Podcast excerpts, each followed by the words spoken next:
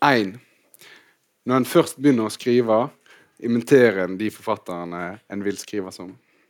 Egentlig skriver en med stemmer som er helt andre enn sin egen.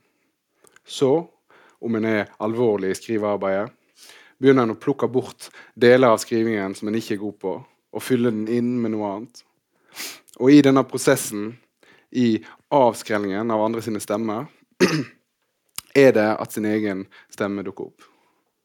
Men selv om en til slutt sitter igjen med noe som en i hvert fall kan kalle sin egen stemme, så henger liksom de andre forfatterne igjen i teksten din. Som en dialekt som en verken kan eller vil kvitte seg med. Hege Susanne Bergan er en sånn forfatter for meg. Og jeg husker å sitte i Sandviken og skrive Bergan sine dikt med mine plasser og mine følelser. To. Den første boka jeg leste av Hege Susanne Bergan, var hennes andre diktsamling. Jeg sier hele tida ting som kjærlighet. Jeg fikk den av en poet jeg kjenner, dvs. Si, jeg fikk den ikke av henne. Jeg fikk beskjed om at hun hadde lest den ferdig og levert den tilbake på biblioteket, og at jeg måtte gå og låne den med en gang. Og jeg gjorde det. Jeg gikk og lånte den dagen etterpå. Og jeg leste den, og jeg leste den igjen. Leverte den tilbake, og så gikk jeg og kjøpte den på Nordli etterpå. Og det jeg likte med boka den gangen, det var tilgjengeligheten. At det er sånn med noen bøker at du bare liksom tar dem med en gang. At det liksom klikker mellom deg og boka. Og den boka, den er tilgjengelig. Og den prøver ikke å være vanskelig. Det den prøver på, er å være ærlig. Og den ærligheten gjør at boka er full av setninger som er så emosjonelle, så følelsessprengt, at de egentlig burde være corny. Men de er ikke det. De står i boka og tar seg sjøl helt alvorlig. Tre. Sitat.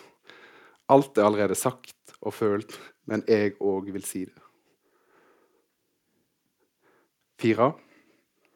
Det er likevel ikke så enkelt som at Bergan sine dikt er bra fordi de er tilgjengelige. For det første er det en tenking i diktene hennes om følsomhet som er interessant. I bøkene hennes er alltid nærhet vanskelig, sjøl når det er med de aller nærmeste, kjærester og barn. Og for det andre utforsker hun prosalyrikken som sjanger. En sjanger som ofte skyr unna alvor, og som heller prøver å være ironisk. Men i Bergan sin penn kan stemmene være både banale og alvorlige samtidig. Og det er en stemme som flere burde la seg inspirere av. Fem sitat. Nesten alt jeg husker, er å ville være alene. Seks. En annen poet jeg kjenner, har bedt meg om ikke hylle forfatterne som kom på besøk så mye i introduksjonene mine. Men i, i dag klarte jeg ikke la være. Sju. Det er en glede for meg å ønske Hege Susanne Bergan velkommen til Rikslongen. Gi henne en varm applaus. Tusen takk. Og så utrolig fint at du er kommet hit til oss og til Ja. Bergen. Og hvis man ikke smelter av den introduksjonen, så har man et hjerte av uh, is og stål. Men Det, var, det er helt ektefølt. Og jeg håper, jeg håper jeg får flere med meg på laget. Eh, Jeg håper du går, reiser fra Bergen igjen med flere lesere enn du hadde når du kom hit. Ja. I hvert fall ikke færre, da. nei, det, det ville være trist. Men, eh, men, og vi skal, vi skal snakke om, om diktsamlinger. Du har skrevet tre diktsamlinger. Mhm. Eh, de, de, den første kom ut i 2007. Den andre året etterpå. Så har det gått ti år. Ja. Og for de som kan regne, så er vi da i 2018. Ja. I år er du ute med en eh, ny diktsamling for første gang på ti år. Og den skal vi begynne med å snakke om. Men aller først så vil jeg høre litt fra den. Ja, så du leser lyst, litt fra den? litt? Ja. Det skal jeg gjøre. Ja. Um, dere kan lese tre dikt um, fra Levepistolen. Og det første er sånn. For lav til å klatre over, for tjukk til å presse seg imellom, for levende til å ligge nede, blant suttekluter og kaniner. Her skal du stå til noen tar deg opp eller det blir morgen. Til juniorsenga monteres og alle rom kan nås på sekunder. Det tar timevis å legge deg tilbake, og slik går årene. Du vil opp, du blir lagt ned. Du vil hoppe fra vinduskarmen, det er ikke lov. Du vil fekte med fiskestang, det kan være farlig. Og det er ikke bra med våpen for så små, men du får alt du vil ha likevel. Sjørøvere og riddere barker sammen, stiller hverandre opp på rekke og skyter, faller døde om, blir mat for haiene, til vill jubel, til levepistolen fyres av, og de igjen kan trekkes ut av gapet, opp av vannet, slik vi også våkner hver dag og hengir oss til herligheten en gang til. Det var det ene.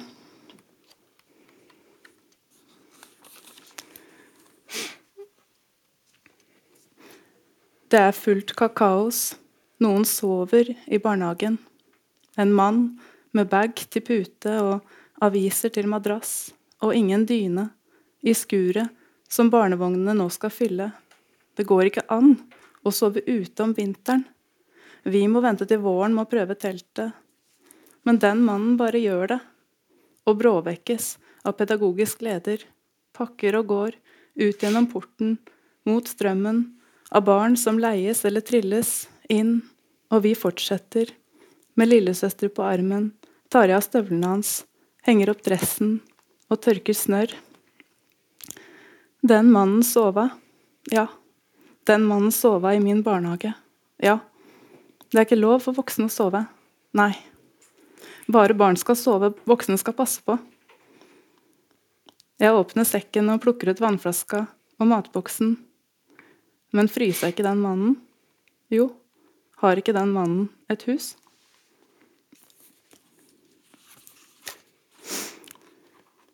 Um, og så er det tredje og lengste. Jeg skjøt deg på Schönfeld. Med røde, blå, gule og grønne kuler traff jeg deg.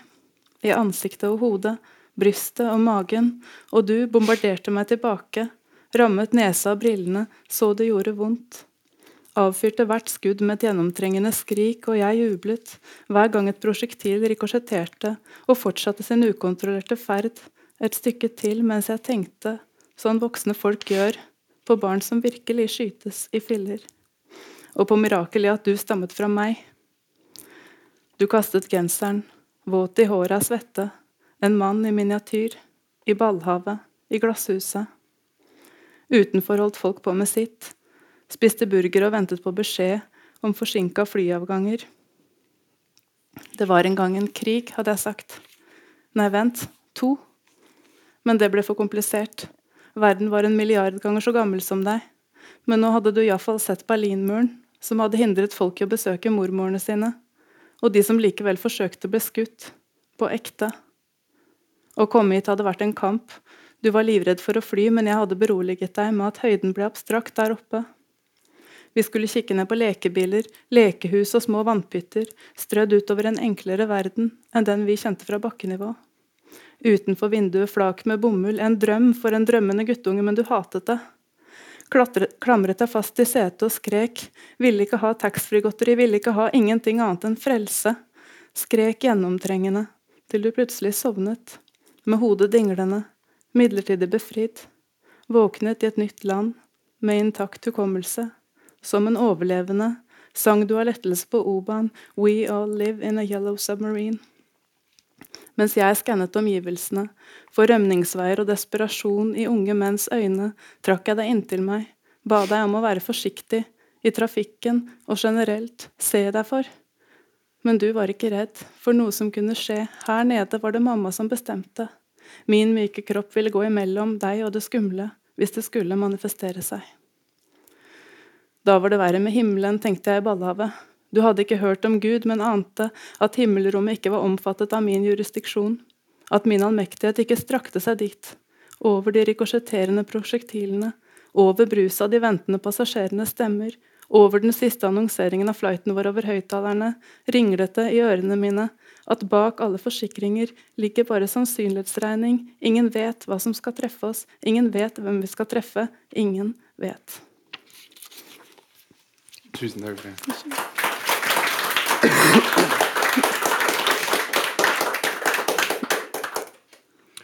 Når jeg, når jeg først uh, leste deg, det må ha vært i 2012, så er det jo sånn når en oppdager en ny forfatter som sier åh, jeg skal, nå skal lese alt som hun skrev. skrevet. Og så uh, oppdager jeg fort at det bare var to bøker. Mm. Og så så jeg ja, den, den andre kommer bare et år etterpå, så det går sikkert det går, det går sikkert veldig raskt til hun er ute med en ny bok igjen. tenkte jeg. Mm. Og, jeg, og så nå har jeg måttet vente veldig Mm. lenge, da. Eh, og så kommer det en bok som, som er ganske annerledes Mm. på det som du har gjort før. Eh, samtidig som det er noe absolutt beslekta. Men det jeg lurer på, er eh, akkurat den boka her. Eh, kan du si noe om eh, hvordan den ble til for deg? Når Mm. skrivingen begynte, eller når, ideen kom? Eller? uh, ja, altså jeg ehm, Jeg har aldri ideer. Eller jeg har ideer, men jeg tar dem ikke på alvor. Jeg uh, bryr meg ikke om alt det. Alle de innfallene man får. Man tenker at uh, det hadde vært kult å gjøre, det hadde vært kult å gjøre. Men det som skjedde, var at jeg eh, eh, Jeg er egentlig en sånn som alltid skriver, eller alltid jobber med noe. Og jeg skrev hver dag helt fram til sønnen min ble født. Uh, og da var det ikke egentlig liksom, det skjellsettende i å få barn, eller noe sånt, men bare det at rent praktisk så fylles da livet av andre gjøremål, da, rent konkret, sånn at man ikke Og så plutselig så går det da fire år. Um, og så Der du ikke skrev noen ting? Der jeg ikke skrev noen ting, ja. Ja. Um, og så var det litt eh, bare den følelsen av at tida gikk, og liksom alvoret i det, da. At, eh, at jeg uh, tenkte at nå må jeg, uh, nå må jeg ta meg sammen. så det gjorde jeg. Så jeg starta en skrivegruppe for, for min egen skyld. Og, så, og så begynte jeg å skrive til den. Og så i løpet av to år så, så skrev jeg den boka her. Men var det sånn at eh, når du, satt, du begynte å skrive når du satt sammen den skrivegruppa, Mm. ja. men var det disse diktene om altså For de som ikke har lest boka, så Og jeg må beklage, jeg er litt sjuk i. Så er det eh, Og som en kanskje fikk inntrykk av når hun leste også, at det er dikt som handler eh, ikke, nødvendigvis, ikke nødvendigvis om å få barn, men om, om å være i nærheten av barn, Mm, barn og observere og høre på barn. Eh, og- men var det de diktene som kom med en gang? når du begynte Ja, å skrive? det var det. Ja. Var det det var- overraskende, eller? Eh, nei, men jeg tenkte at uh, uh, For det første, jeg hadde jo ikke skrevet, gitt ut noen bok på ti år. Så da tenkte jeg at hvis jeg skal skrive en bok til, så er det ikke noe vits i å på en måte skrive om noe som ehm, Som jeg føler at jeg burde skrive eller altså det, er, det, det, det eneste jeg tenker at Dette er den sjansen jeg har til å på en måte skrive den viktigste boka da, for, eh, for meg. Hvis jeg skal skrive én bok til. For det var jo liksom, Hvis man ikke har skrevet på ti år, så vet man nok om det da blir om det går 20 år til neste gang, eller om det noen gang blir en til. Så, så da bare tenkte jeg jeg må begynne med, begynne med det jeg uh, Det jeg går rundt med da, og, og Mm. tenker på uh, hele tida. Um, så, så jeg bare begynte å skrive ned um, på en måte det jeg hadde gått og tenkt på. Da. For man går, jo, man går jo og tenker selv om man ikke, selv om man ikke skriver. Og tenker på på å skrive selv om, ikke, selv om jeg ikke gjorde det. Så da hadde jeg noen sånne små setninger som jeg hadde gått og tenkt igjen og igjen. Og så, og så bare begynte jeg å skrive den ned. Men at det eh, altså, at, det skulle, at det skulle være så eh, Jeg synes det er interessant eh, at det formmessig òg er så forskjellig fra de to første bøkene. Den, er- som er også veldig forskjellig fra Ja. hverandre, da, men de er i hvert fall Og vi skal snakke mer om de eh, etterpå, altså, de kommer til å dukke opp hele veien. Men, altså, de er på hver sin måte veldig sånn eh, sjangereksperimenterende. Mm. Mens den, eh, denne her føles trygg i, i, innenfor liksom, prosa eller lyrikken. Eller, eh, men var det bare sånn eh, Har du vært opptatt av å eksperimentere før, men ikke så opptatt av det nå? Eller er det bare kommer diktene som de kom med? Eller?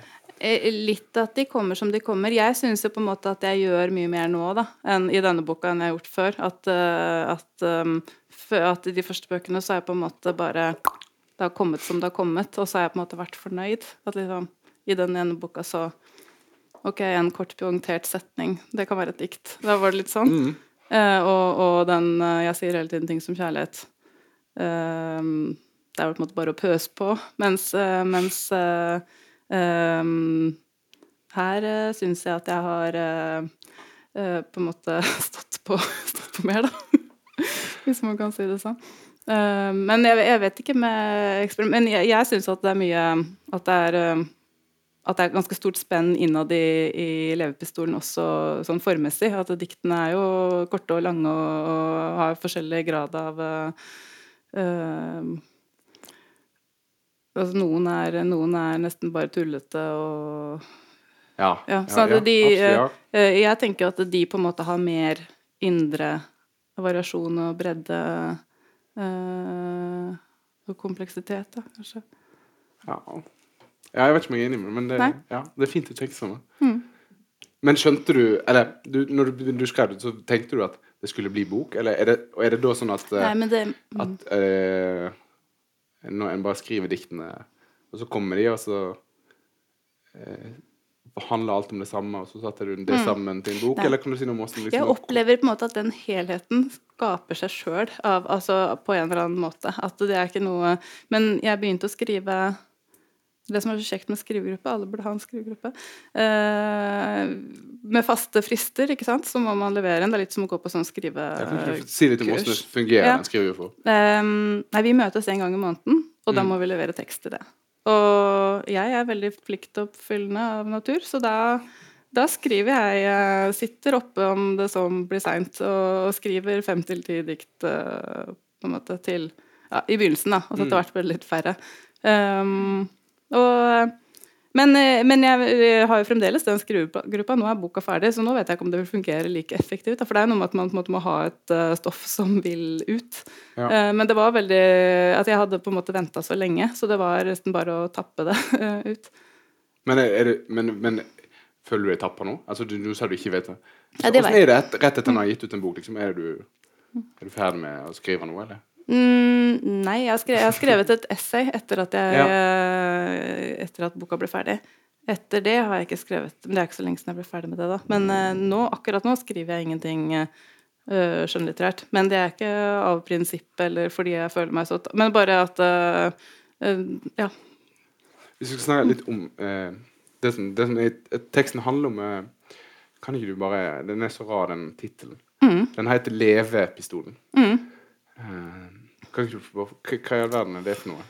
Eh, det er eh, jo ikke en eh, lekepistol, men nesten. Eh, og det er en pistol som gjør eh, døde levende. Eh, så det er en magisk, magisk pistol. som alle mange sikkert skulle hatt. Sånn at man kan ta livet av folk og vekke dem til live igjen. Det, det, det handler jo veldig mye om døden i denne boka. Eller om mm. uh, frykt for døden og, og barn som blir drept og, og så, så ja, det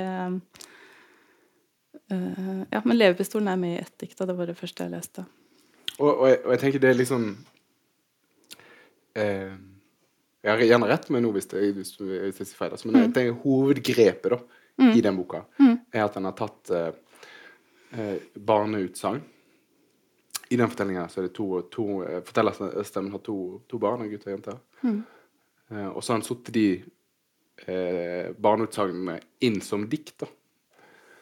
Eh, og så blir det plutselig noe helt annet når et barn går, og leker at han skyter noen, og så plutselig har den en levepistol, og så skyter han med levepistolen, så blir de levende. Mm.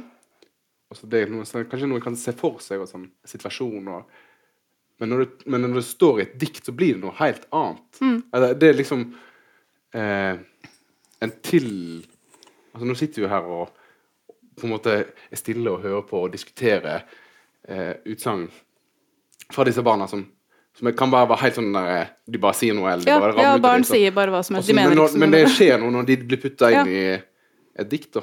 Ja.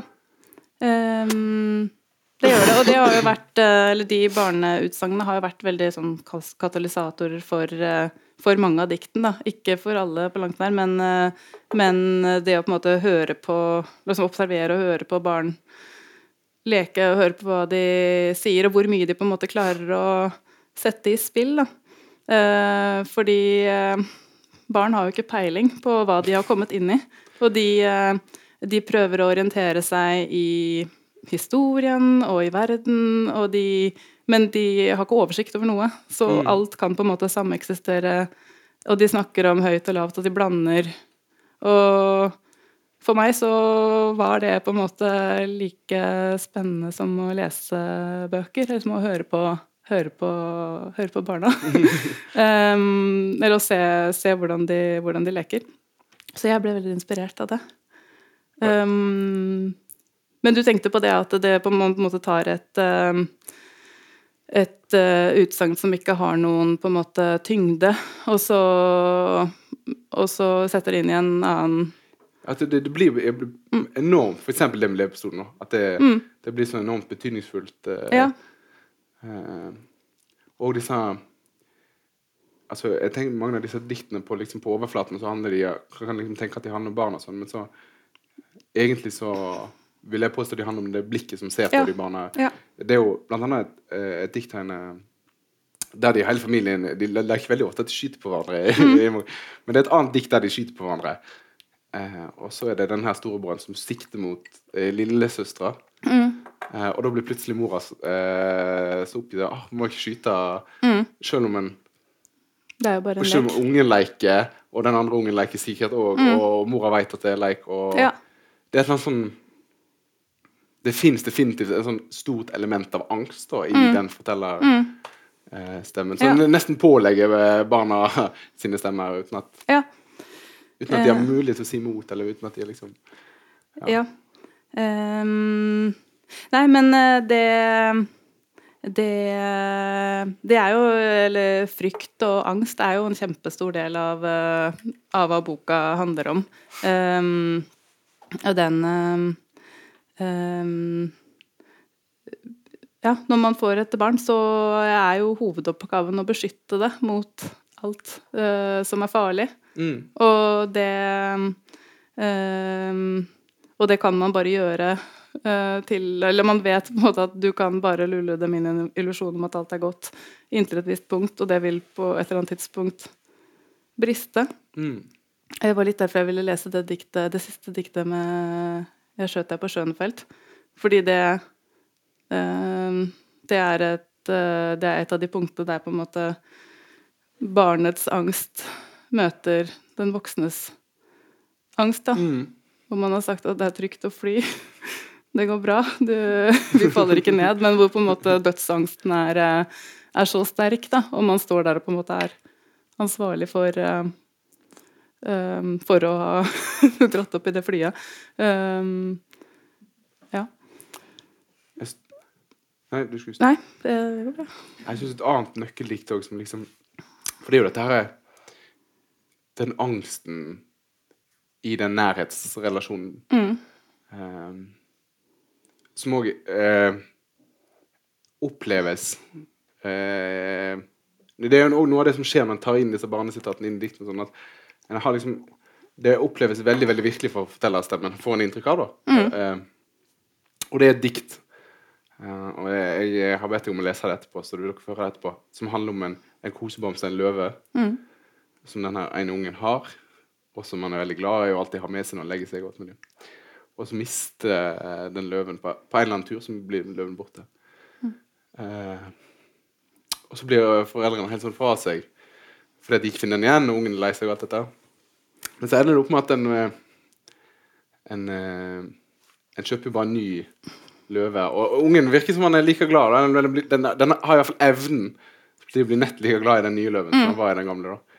Ja. Eh, mens, mens bare at det diktet står igjen i den boka, tenker jeg noe sånn at at det for, for fortellerstemmen føler at den har svikta fordi den har mista den her eh, den ekte, den ekte tingen som den elsker. Den ekte Ja. Ja, ja. Ja, jeg har ikke tenkt på det på akkurat den, eh, den måten. For meg er det liksom et, det er et eh, kjærlighetsdikt. Eh, om uh, eh, folks evne til å på en måte um, Ja, forsvinner den egentlige kommer Så bare kjører man på. Og, og- liksom evnen til å elske. Uh, og som er så sterk hos barn, da. Du kan uh, barn kan bli adoptert bort til en annen familie, og de vil liksom de vil alltid ha den, og de vil knytte seg så, godt de kan, for det er sånn man, eh, det er sånn man overlever. Eh, for meg er det liksom det det, det diktet handler om. Ja, mens, mens, mens på en måte den Det ikke fins hos de voksne, eller? Eller? Um, det har jeg ikke tenkt på. jo, jeg tror kanskje det uh, til en viss grad fins hos voksne også, men, uh, men kanskje men, men, enda mer hos barn. Mm. Fordi det er sånn de uh, Det er sånn de overlever. Ja, måtte tenke litt. Det er absolutt, ja, det er absolutt en Sammenligna med de andre bøkene dine, mm. så den Unnskyld. En hva skal man si, livsbejaende eller, mm. eller, positivt innstilt bok. Mm. De, de, to første bøkene dine de de er, så fylt av ung angst, da. Kan mm. si. Og ensomhet. Og ensomhet, ikke minst. da. Uh, det virker som at den samlingen her er liksom en en hyllest til uh, Eller det er først det er først når en liksom får det barnet at en at en da trår inn i en annen verden der de følelsene en trodde ikke var ekte, plutselig Eller en får en helt, et, sett, et sett med andre følelser. Eller det er noe, er den siste linja i boka igjen? At når, en, når barnet blir til, så, så, blir en lik andre, eller en blir Ja, ja du som fikk oss til å ligne på alt? Ja. Ja. Nei, altså, det fins sånn, i hvert fall en påstand da, om viktigheten, eller eh, eller hvor viktig det, den relasjonen er for fortelleren. Ja, altså Det er jo ikke noe jeg vil hevde på en måte som uh, person, Nei, at, uh, at meningen med livet er å få barn eller, eller noe sånt, men, men, det er et faktum at diktene At dette er livsbejaende og på, til en viss grad lykkelige dikt. da. og um, ja, jeg, jeg, det, er, det, er, på en måte gått så lang tid mellom de, um, de to andre bøkene og den her at, at, for meg så er de på en måte ikke del av samme Mens de to første bøkene var litt sånn to sider av samme sak, mm. så, så, er dette for meg en helt annen bok. Og jeg har på en måte ikke skrevet den i relasjon til de, til de andre. Um, og, og mye vann har rent i havet ja. siden da. Um, men uh, Men en skal jo ikke skrive lykkelige dikt, kan de da? Uh, jeg syns at, uh, at, at, det er litt bra, da. Eller det, måte, det, har liksom vært et sånt tabu å bryte det med at man måte, skal snakke om fødselsdepresjon, og man skal snakke om hvor forferdelig det er å ha, ha små barn. Og, og, det snakkes det egentlig veldig mye om, syns jeg, i, i vår tid. Um, og det er ikke det at det ikke snakkes mye om, om eh, men, men, men, jeg hadde Jeg hadde ikke lyst til å skrive om eh, mm. Eller det var ikke det jeg gjorde, da. Det var ikke, det var ikke en plan, men, men, det tiltalte ikke meg å, å, å skrive om, om det grå, eller det uh, eller det vonde eller det søvnløse. Eller, altså det, det, er der, det også, på en mm. måte, men ikke, men ikke uh, Ja. Jeg tror eh, kanskje vi kan få høre litt mer ja. fra den boka. Ja. Er det vel tre dikt til du skal lese nå? Ja. ja. Nei, skal vi se. Vi får avsløre at noe er planlagt på forhånd, men uh, det hender jo. ja. Må vi snakke sammen.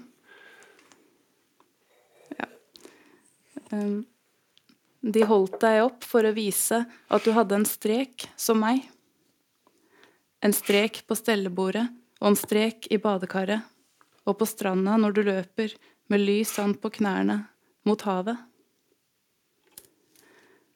Og siden du er min datter, skal jeg si deg at du hadde rå muskelkraft fra begynnelsen av, sinnsro og integritet. Og måtte du aldri slutte å skrike gjennomtrengende når noen prøver og ta det fra deg. Eh, så kommer løven.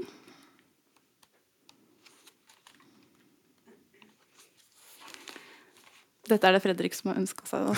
ja, men det er veldig fint, da. Og jeg, jeg, ja. Hmm. jeg syns det ja.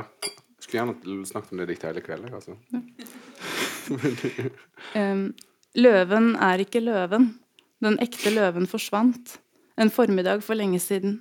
Du kastet ham ut av sportsvogna, som så mange ganger før. Men denne gangen var det ingen som så det. Ikke pappa og mamma, og ingen snill forbipasserende som ellers alltid pleide å plukke opp det gulbrune dyret og løpe de 20-30 meterne etter oss på fortauet og rope 'unnskyld, jeg tror dere mistet denne', den ser elsket ut. Så han ble liggende, så vidt vi vet, ingen svarte på annonsen, ingen ringte, telefonnummeret på plakaten, ingen var interessert i finnerlønn. Hvis det da fantes et menneske som fant og forsto at det var ham, selv om han ikke lenger lignet den filmstjernevakre løven på plakaten. Han hadde ikke lenger sin sologule, silkemyke pels, og den stolte manken lå flat og pistrete inntil hodet. En uteligger eller narkoman, tenkte kanskje de forbipasserende, som observerte ham ligge med ansiktet ned i bakken og ikke orket plukke ham opp, av frykt for hva de kunne bli trukket inn i. For hvordan skulle de vite at dette var en løve av god familie, med gode manerer og de beste framtidsutsikter? at det var ved et uhell han befant seg her, at sterke krefter var i bevegelse, og gatene ble trålet etter ham, som hadde ligget i vogga di og ventet, og ventet i en bag på sykehuset, og ventet i bunnen av en lekekasse, til du ble klar. For det var ikke kjærlighet ved første blikk, ikke fra din side, du elsket kun puppen, og så en kort stund biteleker, før du endelig fikk øynene opp for han som alltid hadde ventet på deg. Når du skulle sove, hvor er løven? Når vi skulle ut, hvor er løven? Når du hadde slått deg, hvor er løven? Tusen ganger lette vi og fant, til den svarte dagen da vi ikke lenger kunne si at han dukker nok snart opp, og du måtte gå til sengs alene, men ble stående i sprinkelsenga og rope, uten ord hva hadde vi gjort, gått hen og mistet et familiemedlem? Du sovnet rasende, utmattet av savn i armene våre, og det ble natt, og endelig morgen, Butikkene åpnet, og for 239 kroner kunne vi skaffe, ikke ham du elsket, men en flunkende ny, filmstjernevakker, silkemyk, sologul. Du var så liten og maktesløs, hadde ikke noe annet valg enn å trykke til ditt bryst, denne fremmede flanøren som ligger her i natt, tynnslitt av kjærlighet. Eh, jeg skulle lese et til. ja, det, skulle, ja, det er fint, da. Og det er, jeg synes det fins både en påstand der om at om at den her eh, barnet elsker både for mye og, og, og nesten ikke ekte nok samtidig. Eller Ja. Jeg syns mm. det er kjempespennende dikt. Men, det, men, eh, men det, det, Ikke for å avsløre at jeg vet hva du skal, jo, jeg, jeg vet hva du skal lese. Mm. Du skal lese, nå skal du lese det siste diktet i samlingen. Ja. Og det, det er også Det er òg et nøkkeldikt, som jeg ser det. Der liksom eh, Der det liksom blir understreka at det her hvor forløsende det er ikke nødvendigvis å få barn, men det å ha ansvar for et annet menneske. Mm. Eller, ja. mm. Du som bare var en celleklump, og før det ikke en klump engang, bare to løse celler, av den typen vi hadde ødslet så mange av. Jeg kanskje bare 200, men faren din milliarder. Og før det igjen bare en frimodig plan, en sukkersøt drøm, en forestilling om at det fantes noe som ville snu opp ned på leiligheten og oss i den noe som ville sette seg selv i relieff og fylle oss med en kjærlighet som ikke lignet noe annet, og så var det du som fikk oss til å ligne på alt.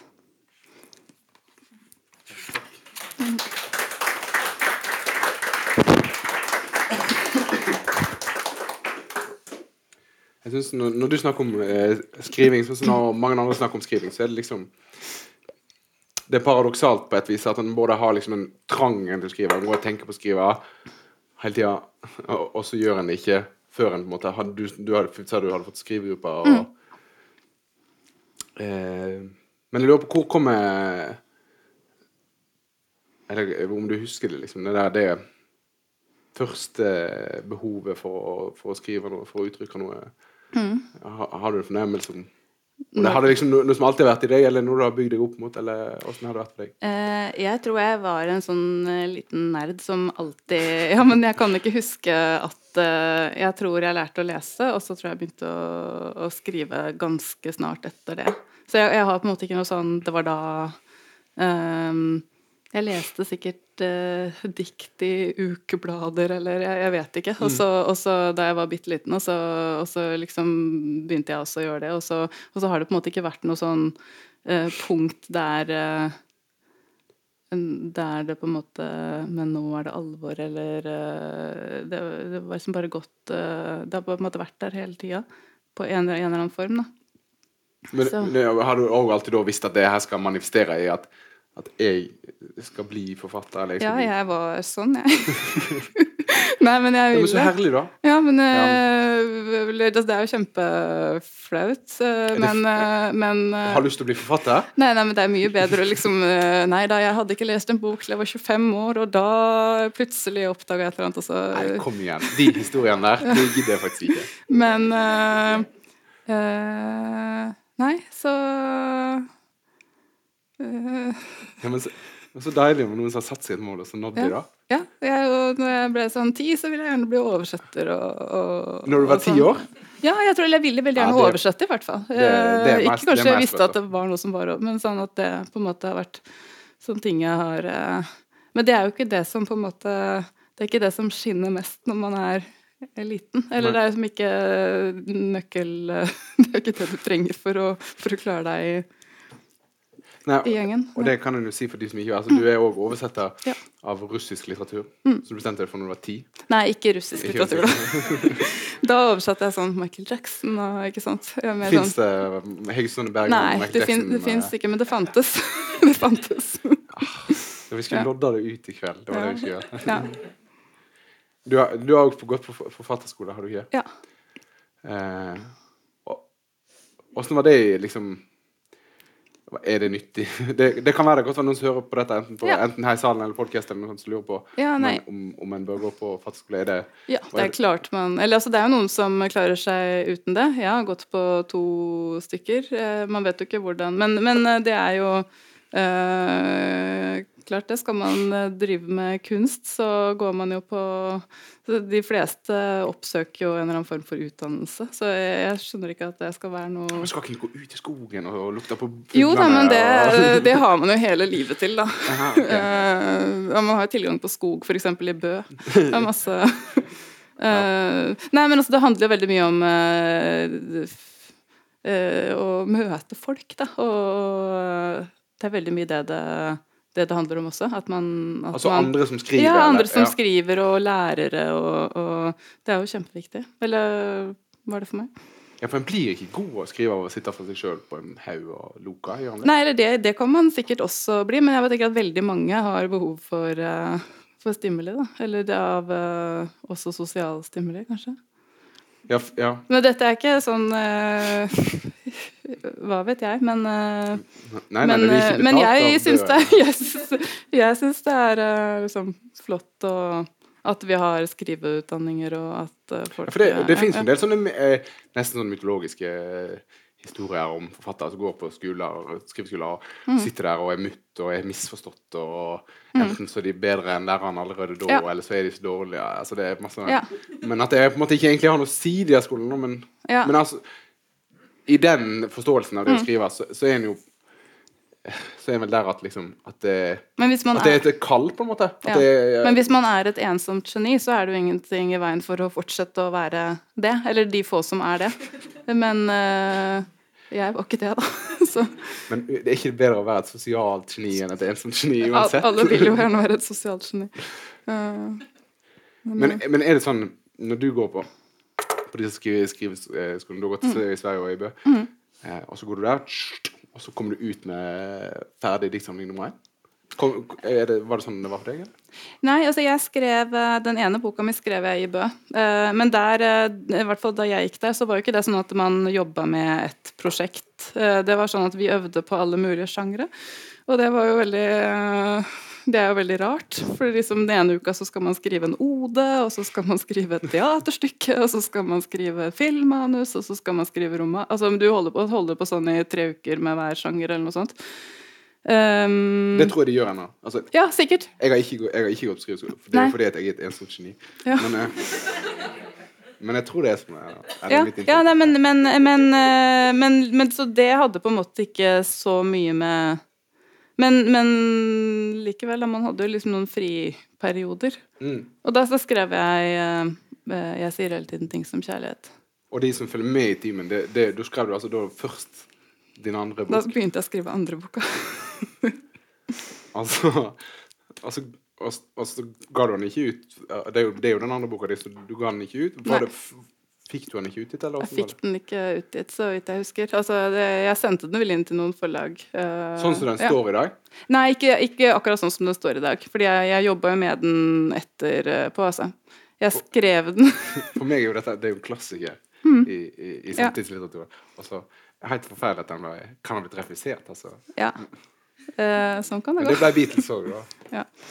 Ehm, nei, men uh, det ehm, Ja, hva skal jeg fortelle? Ja, men hva gjør en, da? Du har skrevet den første Du skrev først den andre boka di, Mm. og den går ikke noe vei. Ja, det var på en måte ehm, Kaster du vekk, eller hva du? Nei, jeg tok jo Jeg tok jo vare på den. Det var en veldig ehm, liksom sterk opplevelse å skrive den. For den kom uh, egentlig bare på to-tre uker, så hvor jeg satt eh, i Bø og skrev uh, dag og natt. Um, bortsett fra når jeg skulle sove. Og så på en måte fra begynnelse til slutt. Og det var, en veldig sånn, det var veldig viktig for meg, da. Uavhengig av, eh, av alt annet, så var det ekstremt viktig for meg å, å skrive den. Og så um, Når den ikke da kom ut noe sted, så bare, jeg tror jeg bare la den til siden, ja, og så fortsatte med- noe annet. Ja. Det er jo det man gjør, er det ikke det? Jo, men herregud, det krever jo en del, da. Å kunne sette seg til å si noe som er Ja. Um, Og i hvert fall Mm. jeg, Før, før, før jeg traff deg i dag Vi har spist sushi sammen før.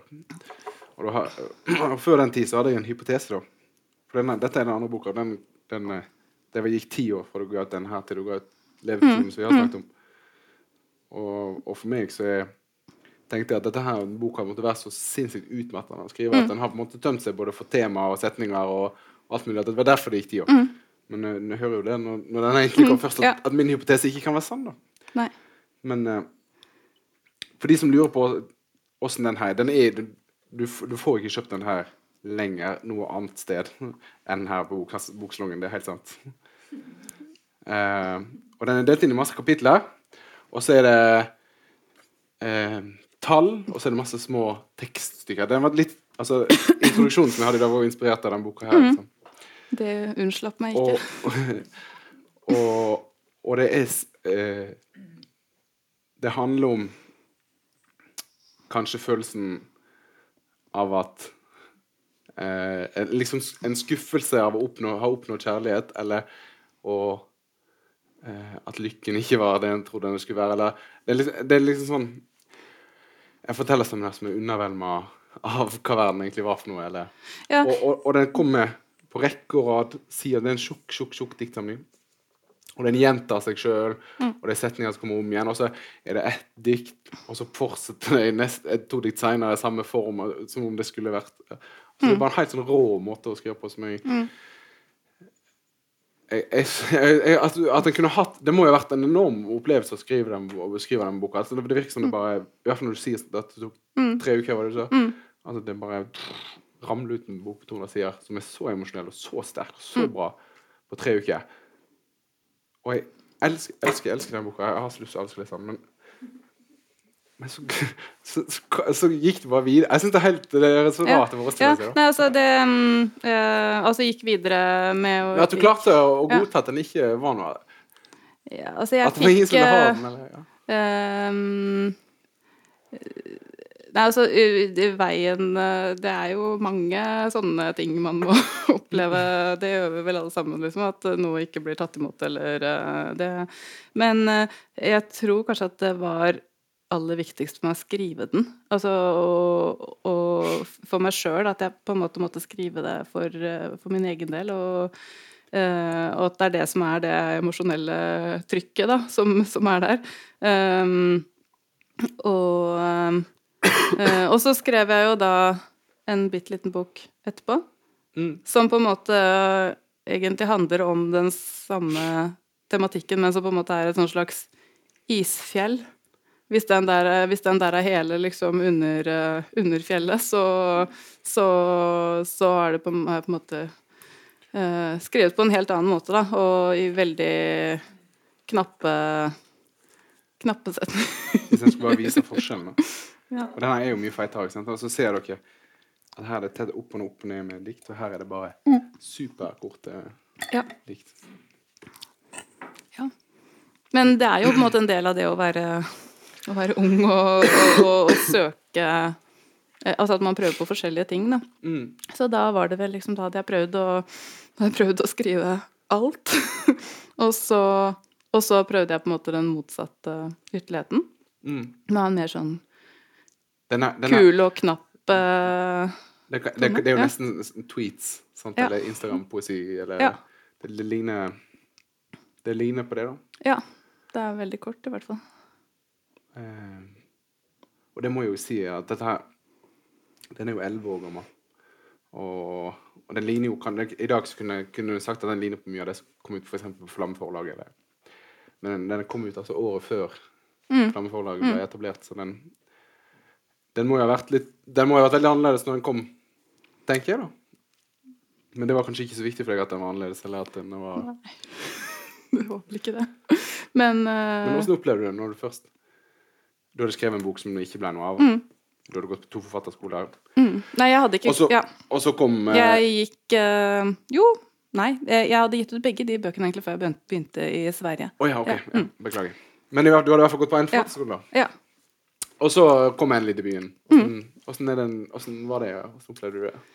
Um, nei um, Det eh, Det var jo liksom jeg, jeg, hadde jo på en måte villet, villet uh, gi ut bok, da, altså, i og med at jeg ville bli forfatter veldig tidlig. Og, og, og sånn, Så det var jo det var jo stort. Men jeg, jeg bodde i uh, St. Petersburg uh, da, så jeg var på en måte Jeg var litt sånn langt borte fra, fra også det som skjedde uh, jeg levde liksom et helt annet liv, på en Mm. måte. Så jeg, jeg var, levde jo ikke noe sånn Jeg var ikke forfatter, på en måte, da. Jeg jobba på konsulatet i St. Petersburg og um, Ja. Du var bare forfatter på, på hobby eller på fritida? Ja, eller hva skal man si? Litt sånn. Um, Men, men det, det, det er mange eh, Det er nok mange innganger til det å ha lyst til å bli forfatter. mm, Og jeg tror nok eh, noen er kanskje sånn som deg først og fremst opptatt av det å skrive bøkene eller det å gi Mm. ut. Men jeg må jo si at for, for meg så Når en ville liksom bestemt seg for å bli forfatter, eller, så var det også veldig viktig liksom, at det var masse gratis alkohol og fester. Og, Ja. og det der å bli sett da, som forfatter, Ja. og det blikket um, men, var, men var ikke det noe som du, som du hadde lyst på? Ehm, jo da, men jeg var, jeg var jo på en måte ikke der uh, at, Så jeg tror ikke jeg ble så veldig sett, eh, kanskje. Og ikke eh, Ja, tenkte så mye på Eller altså Gratis alkohol. det er jo bra. Men nei, det var ikke sånn jeg var veldig opptatt av. Det litt flåste sagt, altså, men eh, Nei da, men jeg, jeg, skjønner hva du, jeg skjønner hva du mener. Men eh, det var jo da kanskje ikke det, Jeg ble kanskje ikke så veldig sett eh, fordi jeg ga ut den boka, nødvendigvis. ja, altså tenker du at den fikk ikke noe særlig Jo, den, jo, den fikk jo, den fikk jo anmeldelser og, eh, og sånn, men eh, Ja, blanda og, og sånn. Altså, for det Ja, jeg syns jo det den Jeg synes den ligger langt den, den står igjen som et sånn Det burde vært for de som er interessert i, i nyenkel poesi eller flammepoesi, eller hva en skal kalle det, så burde den stå som et standardverk. For den gjør det som den type poesi gjør. Den, den har enkeltdikt som fungerer veldig godt, som er liksom en tanke eller et bilde som er snudd litt på, eller som er litt vendt på, eller noe sånt. Og, og så bygger det opp mot en eh, fortellerstemme. da. Ja. Og det er jo det samme som den type bøker gjør fremdeles i dag. Så jeg syns jo den jeg, jeg har liksom alltid sett for meg at den Den burde ha mye flere lesere enn jeg har inntrykk av at den har. da. Ja. nå, det, det kan ikke du mene noe om, da. Nei, det sånn, i, hvert fall er det ikke så lett for meg å gjøre noe med det, sånn på en måte. Ja, Ja. Ikke, ikke nødvendigvis på dine vegne, men på bøkene sine. Mm. Jeg synes det er dumt. da. Men så er jo det Det er jo en fascinerende situasjon, syns jeg. Der jeg har gitt ut den boka, og så er det sånn OK, vi skal sette i gang og skrive en ny bok, men du kan bare ah, Du kan bare dra fram Ja. en bok som du allerede hadde. Ja, ja altså jeg, jeg jobba med den et år, da. Etter eh, Altså jeg, jeg hadde jo et manus, men jeg, jeg jobba med det etter det også. Eh, Så det For da var, det jo, da var det jo på en måte allerede et par år gammelt. Ja. Uh, ja. For jeg skrev den da jeg var sånn 22, egentlig. Og så Men men, men du må jo ha følt at det var noe At den var en viktig tekst, eller Eller var det bare en enkel løsning, eller Nei, altså jeg du det? em, og, ta, og liksom det Jeg tenker det er litt modig, da. Å Ja. ta fram et manus som egentlig er blitt refusert, og som en egentlig har lagt fra seg, Også. Ja. og så ta det fram og så si at en Ja. vil jobbe videre på det, en vil gi det ut, eller Ja. Uh, nei, jeg, jeg tenker jo at eh, fremdeles at det er en veldig modig eh, tekst, og det er på en måte noe jeg aldri kunne ha skrevet nå. Ehm, og det er på en måte litt viktig å ta vare på de bøkene som Eller å skrive bøkene når man kan skrive dem, da. Fordi at de, de mulighetene forsvinner. Du kan ikke gå og spare deg til uh, du blir 55, eller fordi da skal du skrive et mesterverk. Men du har Det går på en måte Det går tog hele tida, og, og kaster man det bort, da, hvis man f.eks. ikke skriver på fire år eller ti år, eller så, så, så går det masse tog, tenker jeg. Og, um, og, og jeg tenkte at uh, det toget var på en måte et som andre også kunne ha nytte av å lese. Liksom, at, det, at det kunne få lesere, da. Og at det kunne bety noe for, uh, for noen andre. Og det har du absolutt gjort, da. Hvis det eh, Dette vet jeg faktisk ikke så mye om, men eh, kan du si noe om åssen var eh, mottagelsen på den, den boka når den kom? Det var ikke så veldig mye mottagelse. Det var, noen, eh, var et par anmeldelser. eh, Og liksom sånn Det var noen som var ganske positive også, men det ikke Det var ikke, ikke masse uh, masseanmeldelser eller Jeg husker ikke om det var to-tre eller noe sånt. Ja, ja nei, men, men det, er jo, det er jo sånn det er for veldig mange da, det, bøker. ja, ja, absolutt. Så Eh, snart når vi, vi Det er ikke lenge til vi har runda timen, og, og da skal du lese litt fra nettopp den boka. Det, det, det må jeg også si, det er jo et bestillingsverk, det er jo fra meg, Ja. altså. Fra den, den boka her. Men vi snakker litt om hva den, eh, hva den er for noe òg. Eh, for den er jo, den er jo Den kommer jo fra et sinnssykt mørkt, mørkt sted, gjør han ikke det?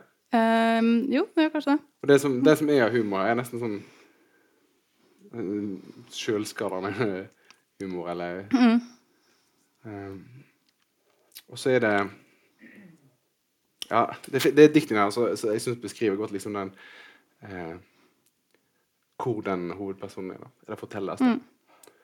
Eh, og det er dikt han, han husker tilbake på en ungdomsfest han var. Mm. Og så og så var han full, og så var det en full fyr der. Og så, og så ble eh, forteller, eh, fortelleren fingra. Og så, og så lurer han på, eller hun lurer på, om hun ble våt eller ikke. Og så går hun og tenker på det mange mange år etterpå. Og så er det liksom sånn Som om eh, hun ikke kan føle ekte, om ting er ekte, men, men som om det fins en fasit i kroppen. Eller er sånn, Det er et sånt utrolig naivt ønske om at eh, Kanskje det er bare ikke jeg som føler verden sånn som den er. Men, det, men, men det, kanskje fins det allikevel liksom en ekte form for kjærlighet. En ekte lykke der ute. Ja. Ja. Ja. Jeg vet. Ehm, ja. Jeg, jeg vet ikke det der med, med om de ekte følelsene, eller hva som er ekte Jeg kjenner jeg blir veldig tullete når jeg snakker om den boka. Altså. Ja, men øh, øh, for, for meg så handler den eh, liksom, boka om å bli voksen. Eller altså å, å Ja, altså på en måte ta et oppgjør med med hvem man er, og hva man er. Og eh, hva man kommer fra. Og Uh, og den, den inneholder jo veldig mye. Eller den er liksom sånn som når du kommer det der, husker jo ikke jeg der, for jeg har jo ikke lest denne boka på uh, Men uh, Ja, skal jeg lese litt? eh, Ja, jeg må bare ja. ja. Og, jeg, og dette har jeg lurt på siden jeg leste den første gangen. Mm. For det fins eh, Eller egentlig, den teksten kommenterer seg sjøl mye, men det fins én tekst som er spesiell eh, meta, da, altså den sjølkommenterende. Eh, og det er, det er en tekst som heter prosa, som, som er en prosatekst. Eh, som handler om Eller der jeg liksom forteller om at jeg er blitt forlatt, og så setter den seg ned og begynner å skrive. Mm. Og så skriver han en setning som som ikke er den samme som står i et av de første diktene, men som ligner veldig på eh, um, Så du skjønner liksom at den, den snakker om å skrive den teksten som jeg leser. Mm. Men den, den står nesten helt på slutten, men så står den ikke helt på slutten. Det har jeg alltid lurt på. For det virker som en sånn åpenbar ting, en åpenbar tekst å, å sette opp slutten for den og liksom kommentere hele verket. da. Ja. Men så står han eh, ja, kanskje sånn fem-seks sider fra slutten, Ja. og så fortsetter bare diktene etterpå. Ja. Og det, på, på en måte er det veldig fint, for det understreker liksom det kaotiske i Mm. den fortellerstemmen. Men jeg må også spørre hvorfor, det, hvorfor den teksten Ja. ikke er satt for det er på en måte, Eh, Jeg ser så lett for meg en redaktør ville sagt. Ja, det er, det, er vanskelig å, det er vanskelig å svare på, fordi jeg har jo ikke, jeg har jo ikke sittet og, og analysert dette øh, på det siste året. um, men øh, jeg husker at jeg i hvert fall skrev uh, det siste, den siste delen, som heter 'Kjærlighet'. Um, og at den før slutta litt uh, Litt tidligere. Ja.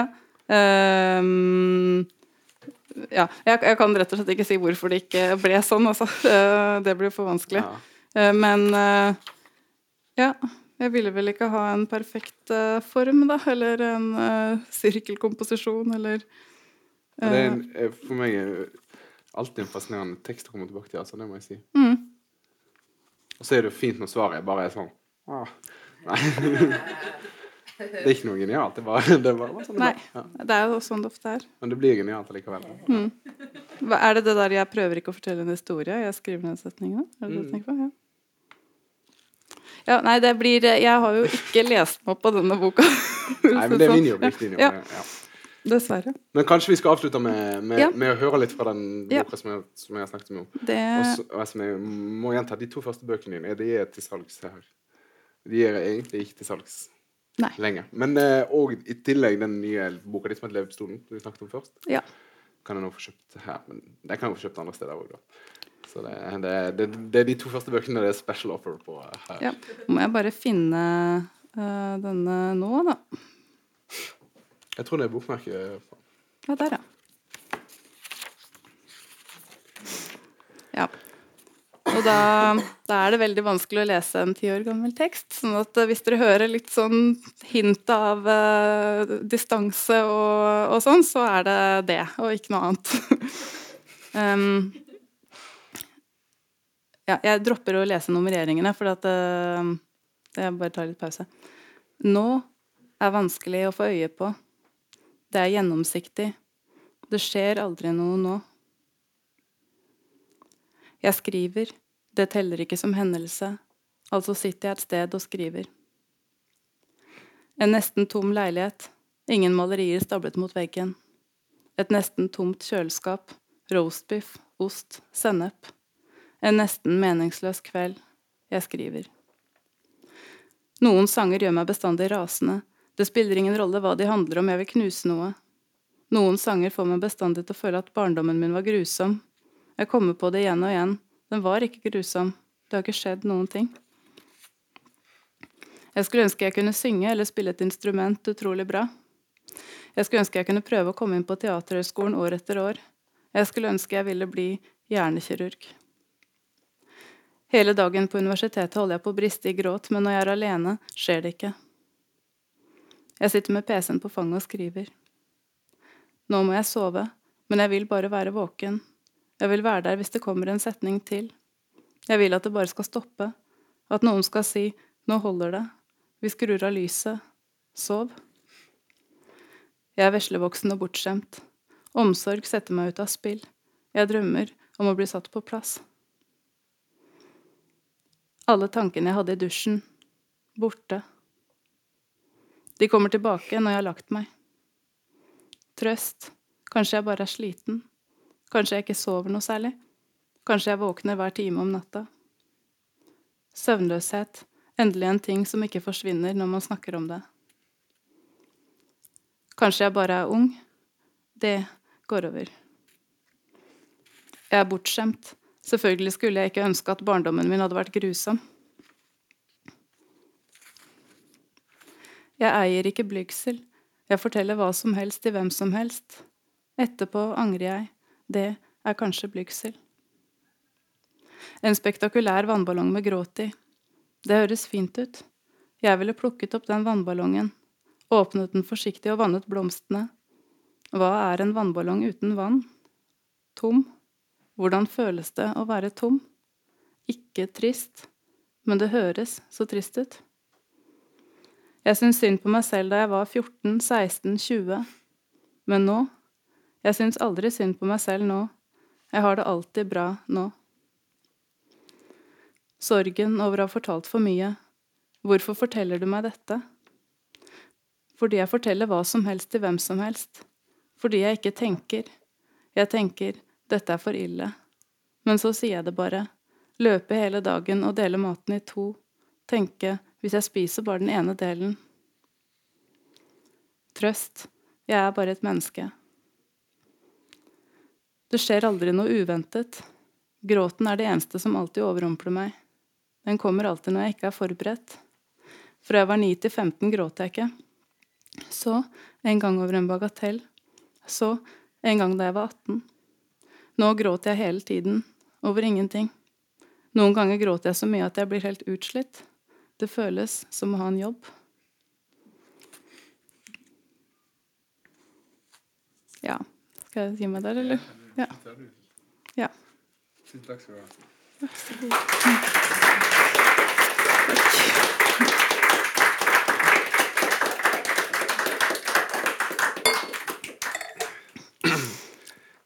Tusen takk for at du kom hit. Tusen takk for at jeg fikk komme. Mm. Ja, jeg syns det var, var, så fint. Og jeg håper virkelig at noen har fått lyst til å, å lese bøkene dine, fordi de er mye bedre å, å lese enn å snakke enn når jeg, når jeg skal prøve å forklare hvorfor de er bra. Eller, du har gjort en kjempejobb, ja, syns jeg. Jeg, jeg synes virkelig, virkelig de er fine. Uh, jeg fikk streng beskjed av uh, sjefen i bokhandelen Arne om å nevne at de to første bøkene dine de er til salgs her, og de fins bare her. Og mens den nye boka di Jeg tror du sa det, men, men, nå er det i hvert fall sagt. Jeg fikk fryktelig streng beskjed, skjønner du. Ja. Uh, og så må jeg òg si at uh, Lyrikksalongen Vi er et uavhengig arrangement her på Litteraturhuset i Bergen. Og vi er støtta av Litteraturhuset i Bergen. Vi er støtta av Bergen kommune og av eh, Fritt Ord. Eh, og vi er tilbake 27.9. Da skal det handle om den forfatteren som kanskje er den eh, største og viktigste internasjonale forfatteren eh, akkurat nå. Det er canadieren Ann Carson. Hun kommer ikke sjøl, men eh, Tone Hødnebø kommer, som har oversatt én diktsamling av henne, og som kommer med en ny oversettelse nå uka etter vi skal ha neste arrangement, så det er litt dårlig timing for oss. Og så kommer òg eh, Ann Carson, uh, entusiast. Thomas Espedal. Så da uh, er det Tone Hødnebø, Thomas Espedal og meg som snakker med Ann Carson. Det er altså 27.9. Uh, jeg, tror jeg, tror ikke jeg glemte å si noe. Beklager at jeg har hosta litt og vært litt tungpusten. Jeg er sjuk. Uh, tusen takk for alle dere som kommer. Jeg håper vi ses igjen. Kjøp bøker, les bøker. Uh, ja, vi ses.